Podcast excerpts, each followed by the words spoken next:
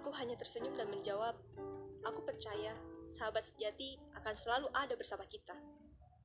Tidak selalu dalam bentuk fisik.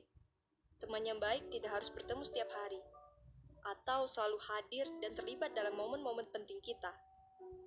Tentu saja ada kalanya dia absen. Tapi sekalipun demikian, kita akan tetap merasakan dukungannya sekalipun jauh dan hanya melalui teks atau telepon.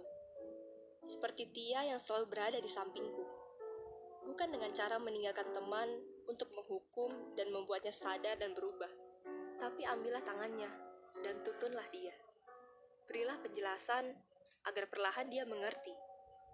Sekarang, Tia sudah mau berubah dan mulai mengerti dengan waktu-waktu di mana kita perlu berdua atau bergaul dengan teman-teman yang lain. Perlahan ia mulai jalan dengan teman-teman barunya. Dan tentu aku tidak marah. Aku malah senang karena Tia bisa bersosialisasi dengan